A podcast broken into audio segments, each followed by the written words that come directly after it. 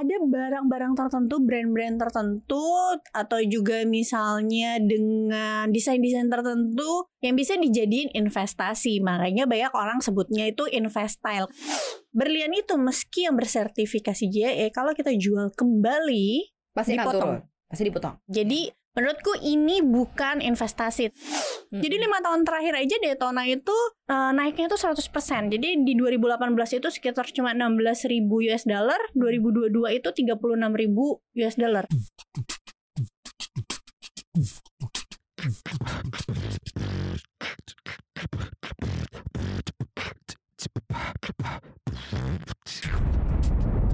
Cuap-cuap cuan. Halo Sobat Cuan, selamat datang di podcast Cuap Cuap Cuan. Nah hari ini kita ngobrol Talk with the Expert. Kita ngobrol tentang tema yang menarik sekali. Kali ini ada Maria Katarina Dan ada Olivia Louis, Financial Expert CNBC Indonesia. Apa kabar? Baik. Baik, saya juga baik ya. Mudah-mudahan Sobat Cuan juga selalu baik ya. Hari ini kita bahas kan, kita selalu bahas tentang tema-tema seputar investasi Terus kemudian apa sih kita selalu bahas soal perencanaan keuangan Perencanaan keuangan. itu ya kan. Nah ada sebagian besar orang ternyata yang eh, investasi itu ya suka-sukanya dia aja. Karena nyamannya emang di situ gitu ya. Makanya kita mau kasih eh, tema invest style why not gitu kenapa enggak? Karena memang sebagian besar banyak orang yang menganggap bahwa eh, lifestyle tuh bisa dijadiin investasi. Tapi emang bener sih ya ada barang-barang yang memang secara produk mungkin limited harganya sih memang ya untuk kalangan-kalangan tertentu Iya. aja yang bisa. Dan yang beli pun juga mereka mungkin yang dalam satu community ya tapi bisakah memang ini menjadi salah satu kita nggak sebut ini investasi utama, tapi mungkin salah satu diversifikasi kali ya Iya. invest style ini ya. Jadi mungkin yang pertama kita harus tahu dulu esensi dari investasi sendiri itu Hmm. apa. Yang sudah pasti kita menaruh uang atau aset kita ke suatu benda atau instrumen investasi dengan tujuan menghasilkan keuntungan. Betul. Nah, kalau investasi menghasilkan keuntungannya itu kan ada dua, dari pasif misalnya dividen, kayak Hmm. kita misalnya membeli saham yang kasih dividen atau juga misalnya dari obligasi gitu yang Hmm, kasih kupon, tapi juga ada nih return yang kedua dari capital gain. Capital gain itu kita jual berapa Misalnya kita beli barang harganya 100 juta, Mhm. eh, dua tahun kemudian harganya jadi 200 juta, itu kan keuntungan dari capital gain. Nah, kalau invest style ini banyaknya itu lebih cenderung ke yang kedua nih Oke. keuntungan dari capital gain karena memang ternyata benar kata yang Kamaria tadi sempat singgung ada barang-barang tertentu brand-brand tertentu atau juga misalnya dengan desain-desain tertentu yang bisa dijadiin investasi makanya banyak orang sebutnya itu investile kenapa sih investile investasi tapi sambil bisa bergaya gitu ya Hmm, dengan hmm, tujuan hmm. kan kadang eh, di kelas-kelas tertentu mereka tuh memang harus tampil prima Ya. untuk menunjukkan status sosial mereka. Mhm. Tapi dibanding mereka keluar uang hanya untuk sesuatu yang misalnya terdepresiasi atau misalnya harganya jadi turun atau misalnya tidak memberikan keuntungan, oh bisa juga nih sambil bergaya tapi ke barang-barang yang ternyata kalau misalnya di keep 2-3 tahun bisa menghasilkan keuntungan seperti itu. Nah ini mungkin sobat cuan harus pinter-pinter ya pilah-pilih eh, yang mana sih memang barang-barang yang bisa disebut sebagai investal, mana yang enggak. Karena kan misalnya nih kayak contohnya eh, perhiasan, Ya. which is itu investal gak sih gitu ya? Maksudnya kita Oke. bisa pakai, tapi mungkin nanti eh, di kemudian hari karena seiring dengan kenaikan harga komoditasnya dia naik juga. Terus ada misalnya kayak jangan beli barang-barang yang nggak produktif misalnya kayak mobil, tapi ada loh mobil-mobil yang eh, apa ya? juga bisa disebut investasi gitu entah apa cuman satu gitu dibuatnya atau seperti apa nah mungkin kita gimana sih cara mendiversifikasi atau mungkin memfilterisasi nah mana Oke. sih yang memang cocok untuk diinvestasikan style yang untuk diinvestasikan mana yang sebenarnya enggak gitu Kalau bicara tentang perhiasan, perhiasan itu eh, beda sama kita berinvestasi dengan logam mulia. Kalau mau yang ikutin harga acuan, ketika dia naik harga naik, ketika turun harga turun, itu lebih ke logam mulianya sebenarnya. Tapi jangan lupa juga ada spread di dalamnya. That's why kalau kita berinvestasinya logam mulia, misalnya emas batangan, Mhm. itu jangka waktunya jangka panjang. Karena kalau misalnya hari ini beli, minggu depan jual, nanti kalah sama Ya, spread itu ya. sendiri. Iya. harga beli baliknya juga ada Betul. berkurang. Kalau perhiasan itu tidak seperti itu cara hitungnya dan jangan lupa perhiasan itu ada ongkos bikin. ya betul Jadi ketika kita menjual lagi eh, emas yang kita punya katakanlah misalnya kalung Mhm. seperti itu pasti akan eh, berbeda sama harga beli kita. Biasanya ada depresiasi misalnya 15 sampai 20% karena ada ongkos bikinnya itu yang ketika kita jual mereka nggak hitung lagi kan. Mhm. Nah, makanya toko-toko emas biasanya toko-toko perhiasan ambil untungnya kan di situ. ya ya benar dia benar, beli benar. nih secondnya nanti dia jual lagi, jual lagi dengan ongkos bikin lagi. Iya, Padahal betul. kita jual nggak masukin ongkos bikin. Iya, iya, iya. itu satu. Nah yang kedua mungkin kalau berlian gimana gitu. Berlian kita ngomonginnya berlian yang benar-benar berlian standar GIA ya. Berlian kan juga macam-macam ya. Yang memang sertifikasi GIA itu seperti apa. Apakah ini investasi juga atau tidak? Nah balik lagi namanya investasi kita mencari keuntungan. Mhm. Berlian itu meski yang bersertifikasi GIA kalau kita jual kembali ke tempat kita beli itu Pasti dipotong. turun. Pasti dipotong. em, maksimal 35%. Jadi menurutku ini bukan investasi, tapi kalau misalnya hmm, sobat cuan nih mau lin- mau melindungi duit eh daripada duitnya kalau misalnya dijadiin cash nanti Mhm. malah kepakainya nggak penting kan Nggak ada juga orang kayak gitu kan lebih baik dijadiin diamond aja dengan sertifikasi yang GIA misalnya Hmm. yang bagus satu krat terus dibikin itunya oh ya udah jadi lebih bagus hitung-hitung nanti kalau misalnya tiba-tiba butuh dana dana darurat ya dijual tapi ya dengan pengetahuan bahwa pasti harganya turun Mhm. seperti itu Itu yang melindungi aja, Iya. melindungi nilai aja gitu ya. Iya. Melindungi nilai untuk uangnya dijadiin produk, tapi ya Iya. resikonya ada depresiasi. betul di karena kan ada ya. orang yang kayaknya mereka kalau pegang uang cash tuh lebih kayak nanti abisnya nggak Iya, iya, juntrungan iya, iya, gitu iya. malah hangout ke sana kemari ke sana kemari gitu terus kalau mobil seperti apa sekarang ini lagi rame banget kan mobil klasik gitu ya Mm-mm. investasi mobil klasik banyak juga kayak artis-artis yang bisnis mobil klasik gitu Mhm. ya untuk dijual lagi nah menurutku kalau investasi itu kita harus pikirin juga apakah mengeluarkan kos tambahan untuk kita Mhm. ketika kita membeli barang tersebut Hmm. kalau misalnya ada kos tambahan yang perlu kita keluarkan, kosnya seberapa besar? Worth it nggak sama ketika kita menjual kembali? Contohnya misalnya mobil, jangan lupa mobil tuh ada pajaknya, Betul. Ada Ya. pajak Ada setiap tahun. biaya tiap tahun. Ya, misalnya apa investasinya sport car, misalnya Mhm. oh tadinya cuma segini harga sekian, pajaknya juga sport car itu Mhm. mahal loh, itu kan nambahin kos. Mhm. Means kosnya setahun berapa gitu. Mhm. Tapi kalau misalnya merasa yakin kan mungkin ada orang-orang atau ada komunitas-komunitas yang lebih tahu ya, oh Mhm. ketika dijual bisa lebih kok dari kos yang dikeluarkan atau Mhm. misalnya kalau mobil klasik biasanya permasalahannya bukan cuma di pajak tapi misalnya di spare part Mhm. Mhm. Betul. atau betul, segala betul. sesuatu yang harus dirapihin lagi lah. Biasanya kan mobil klasik juga mereka kadang dipakai untuk kayak jalan kan walaupun un- bukan untuk sehari-hari. Ya untuk momen-momen itu. tertentu Betul. aja jadi gitu dihitung ya. lagi kosnya seperti apa. Itu kalau yang menurut aku bukan investile. Itu bukan investal ya. Tadi beberapa poin-poin yang bukan investal. Tapi mungkin bisa jadi investile kalau kita punya dan kita berada di dalam komunitas yang tepat kayaknya. Betul. Karena kan kalau seandainya biasanya akan muter-muter aja tuh di situ Betul. Kalau mobil ya, kalau eh, mobil motor. kayak udah udah nih eh, kayak udah cukup nih mau beli baru lagi nih ada yang mau nggak gitu Betul, ya betul. tapi mereka bisa bergain dengan Iya, harga betul. yang jauh lebih mahal karena ya uniqueness yang dimiliki mungkin juga eh, limited juga Limited, gitu iya. yang gue punya ya lo mau ya bayar gitu dengan harga segitu karena kita bicaranya itu adalah eh, kesukaan komunitas gitu jadi sama-sama punya eh, eh, kesukaan yang sama begitu Betul. juga dengan mungkin berlian ya berlian atau apa nah biasanya ada eh, ibu-ibu sosialita atau mungkin kelompok-kelompok sosialita arisan yang emang tahu bahwa itu harganya akan eh, lebih naik gitu Hmm. kalau misalnya dibeli sama ibu A atau ibu Betul, B gitu ya. betul. jadi nggak lari ke toko lagi gitu pikirannya ya Semua kan supply and demand ya. Kalau masih ada and demandnya ya bisa juga kan. Nah, Benar, di- dia mau nih, Hmm. kalau mau segini gitu Iya, kan. betul. Padahal kita belinya berapa gitu kan. Betul, Mungkin kalau seandainya Sobat Cuan punya komunitas-komunitas seperti itu ya, mungkin bisa nih Hmm. untuk masuk ke investal. Nah, sekarang kalau itu tadi bukan investal, karena memang ada cost, ada ya ada depresiasi nilainya. Yang masuk ke investal, menurut uh, Olive apa nih salah satu? Oke, kalau menurut aku pribadi ya ada beberapa. Yang pertama itu tas branded. Oke. Tas branded juga tidak semua karena Tidak kita semua tahu kalau ya. tas branded juga kan ada kelas-kelasnya. Ada yang tas Amerika, ada yang tas Eropa. Biasanya jadi investile itu yang Eropa punya gitu dan Hmm. itu tidak semua brand.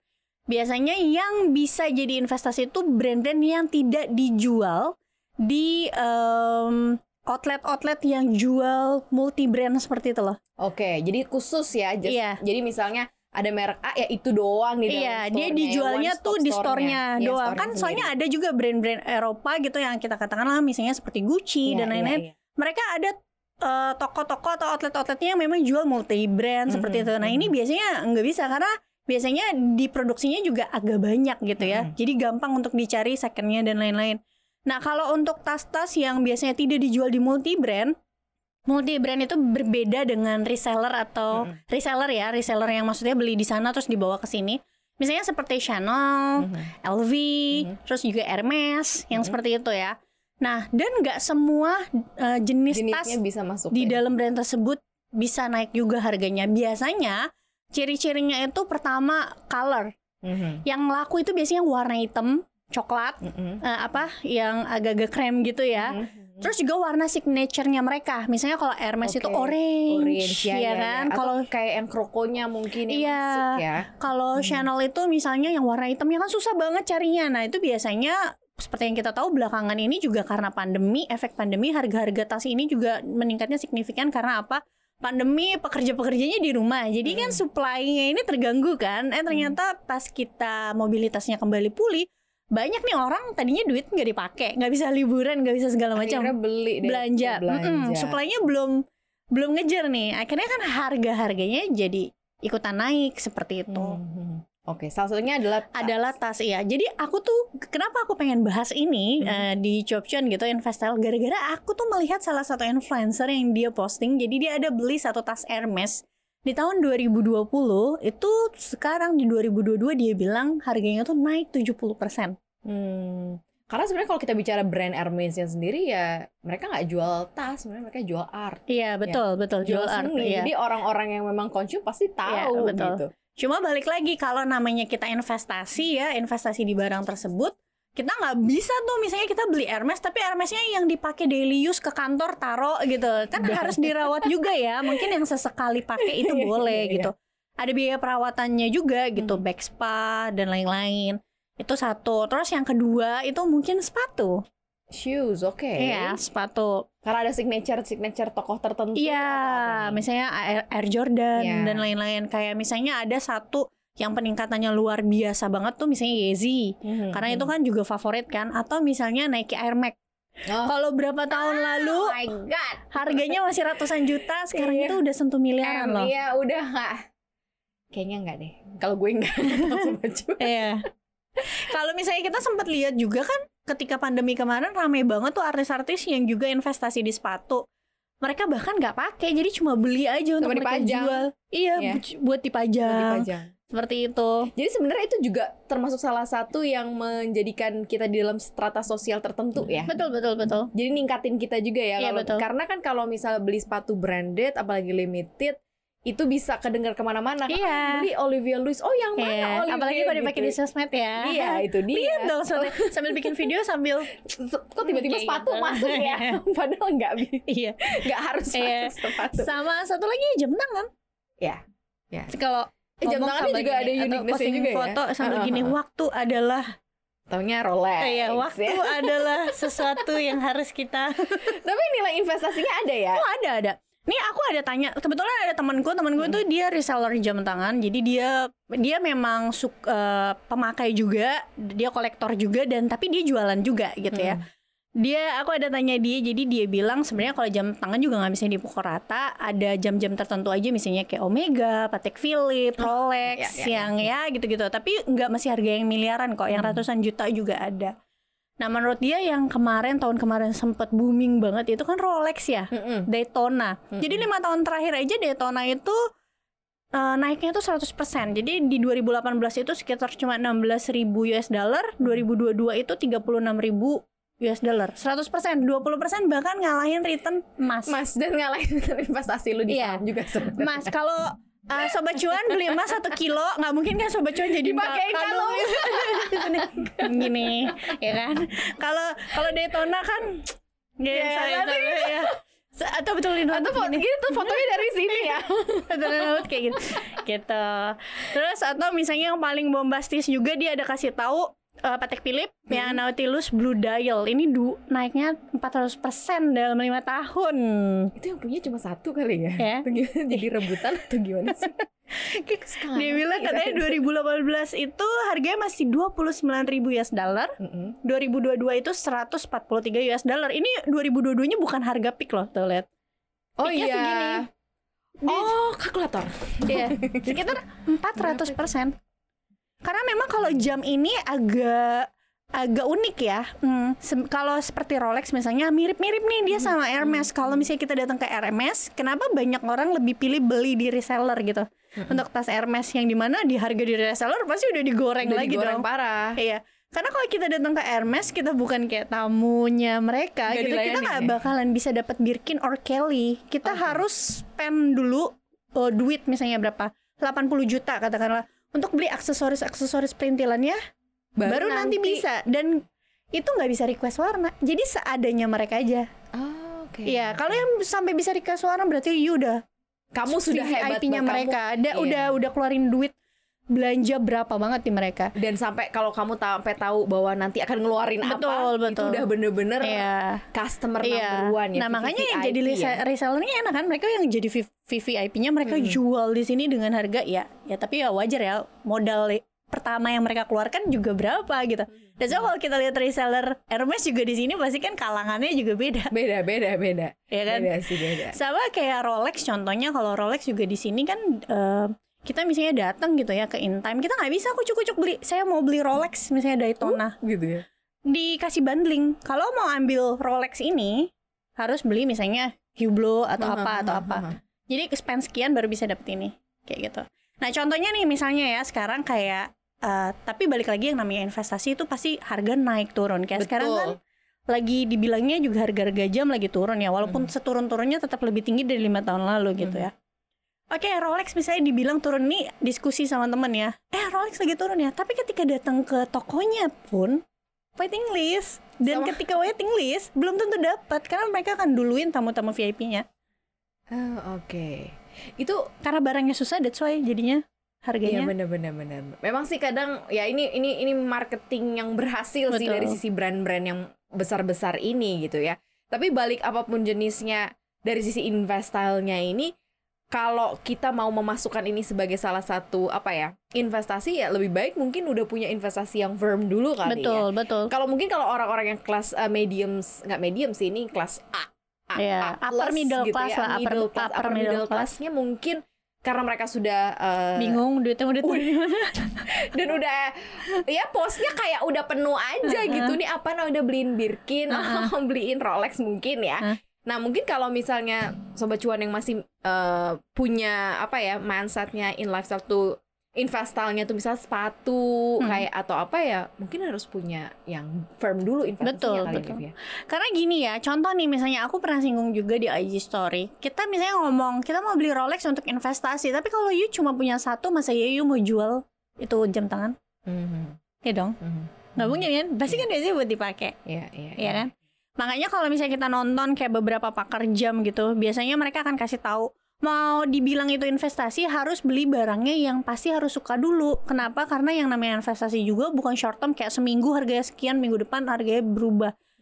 Kalau nontonin di YouTube YouTube gitu kan ada tuh yang biasa investasi-investasi di jam. Mereka juga bilang butuh waktu untuk misalnya harganya naik. Kalau misalnya kita belinya barang yang kita nggak suka, katakan kita beli jam, tapi kita nggak suka juga gitu barangnya, dipakai juga nggak kece Hmm, gitu hmm. akhirnya kita jual misalnya terlalu cepat ketika harga harganya lagi turun seperti sekarang ya belum tentu untung juga kan Hmm, oke. Ya ini hanya diversifikasi ya. Maksudnya ini diversifikasi investasi yang ada gitu Hmm. ya, bukan menggiring juga sobat cuan untuk eh coba nih ada juga investasi. Iya. Memang ternyata lifestyle kita tuh bisa diinvestasiin juga kok, tapi ya tergantung produk, barang dan juga eh, komunitas kamu di mana. Hmm. Karena bisa salah satunya yang bisa bikin itu betul berputar juga salah Betul. satunya komunitas ada kok juga eh, mungkin di beberapa tahun lalu ketika aku masih eh, talk show waktu itu di Invest Time juga ada eh, salah satu orang yang eh, masukin barang-barang yang dalam tanda kutip Iya. Eh, bekas pakai gitu ya yang kuno-kuno itu juga ternyata bisa jadi Betul, investasi betul. buat dia walaupun tidak brand tapi ya itu kamu tahu di mana kamu bisa pasarin betul gitu betul loh. betul Jadi nggak harus yang Hermes atau LV atau apa, tetapi Betul. ketika kita tahu apa yang mau kita kerjain, oh ini barang kuno dari mana gitu Iya. ya. Belinya ternyata berapa, dijual lagi berapa, ada juga yang kayak Iya. gitu. Mereka yang suka hunting-hunting branded, barang-barang branded di pasar-pasar loak dijual Betul, betul. lagi pun juga ternyata ada Betul, pasarnya iya, iya. juga sih. iya betul kan kayak dulu juga eh waktu beberapa waktu lalu juga aku sempat lihat tuh ada yang apa uang zaman dulu juga Iya, sempat kayak bayangin aja Benar. hal yang jadul gitu Terus pernah juga kayak ada tas ya, salah satunya mereknya Shilin. Jadi dia tuh sempat ada ganti entah ganti pimpinan atau ganti desainer gitu. Ini eh, dua tahun lalu deh kalau nggak salah. Karena hal itu disangkanya semua seriesnya itu yang lama-lama bakalan diilangin gitu, ganti Hmm. series yang baru. Akhirnya itu sempat bikin salah satu eh, series backnya mereka itu jadi laku banget diburu yang second handnya karena dipikir karena ganti pimpinan Karena nggak oh, ada ini- lagi, iya yang takutnya jadi ada lagi. limited gitu ternyata kan Hmm. enggak juga yang kayak kayak gitu juga bisa terus ya by the way ya kak aku tadi ngomongin tentang kayak capital gain gitu ya ternyata nih ada juga loh artikel orang yang bisa dapetin return pasif dari sewa-sewa tas branded Nah, ini bisa nih ya. Heeh. Kalau ini lumayan nih. Jadi kamu suka kalau kamu suka punya tas branded betul dan kamu kan punya mungkin pakai tiap hari eh, semuanya kan Iya, dan kamu punya banyak, mungkin ini salah satu opportunity ya, Liv ya. betul Salah satunya adalah mencoba untuk menyewakan. Betul.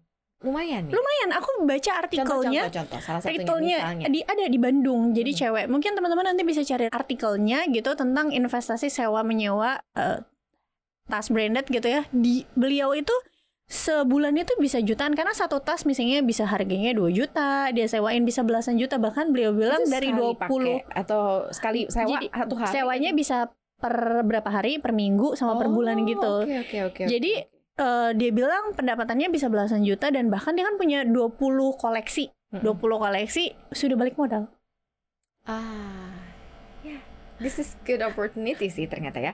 Suka beli barang-barang branded, tapi nggak mau dijadiin investasi karena nggak mau dijual gitu ya. Kita Mhm. mau keep aja. Ternyata ini salah satu opportunity Iya. daripada nggak dipakai di lemari kan bisa disewain. betul Peminatnya juga ternyata ada. Betul, apalagi ya. kalau misalnya kayak yang sewain kayak gini ya, mungkin nggak perlu beli tasnya juga sampai yang Hermes, Bir Birkin Mm-mm. atau Kelly gitu juga.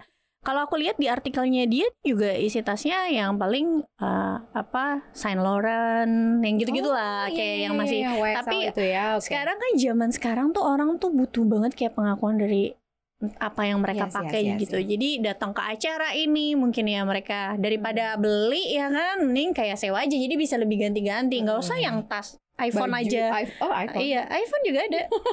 Yang sewain. Pacar juga ada besok kamu bisa sewa juga ya pacar ya untuk pergi ke acara-acara spesial. Tapi yang jelas salah satu topik bahasan kita ini cukup menarik ya sobat cuannya. Jadi ada investasi, ada invest style di mana style kamu kalau kamu memang merasa barang-barang yang kamu punya ini bisa kamu berdayakan, entah itu nanti dijual lagi, entah itu bisa disewain dan bisa mendatangkan keuntungan.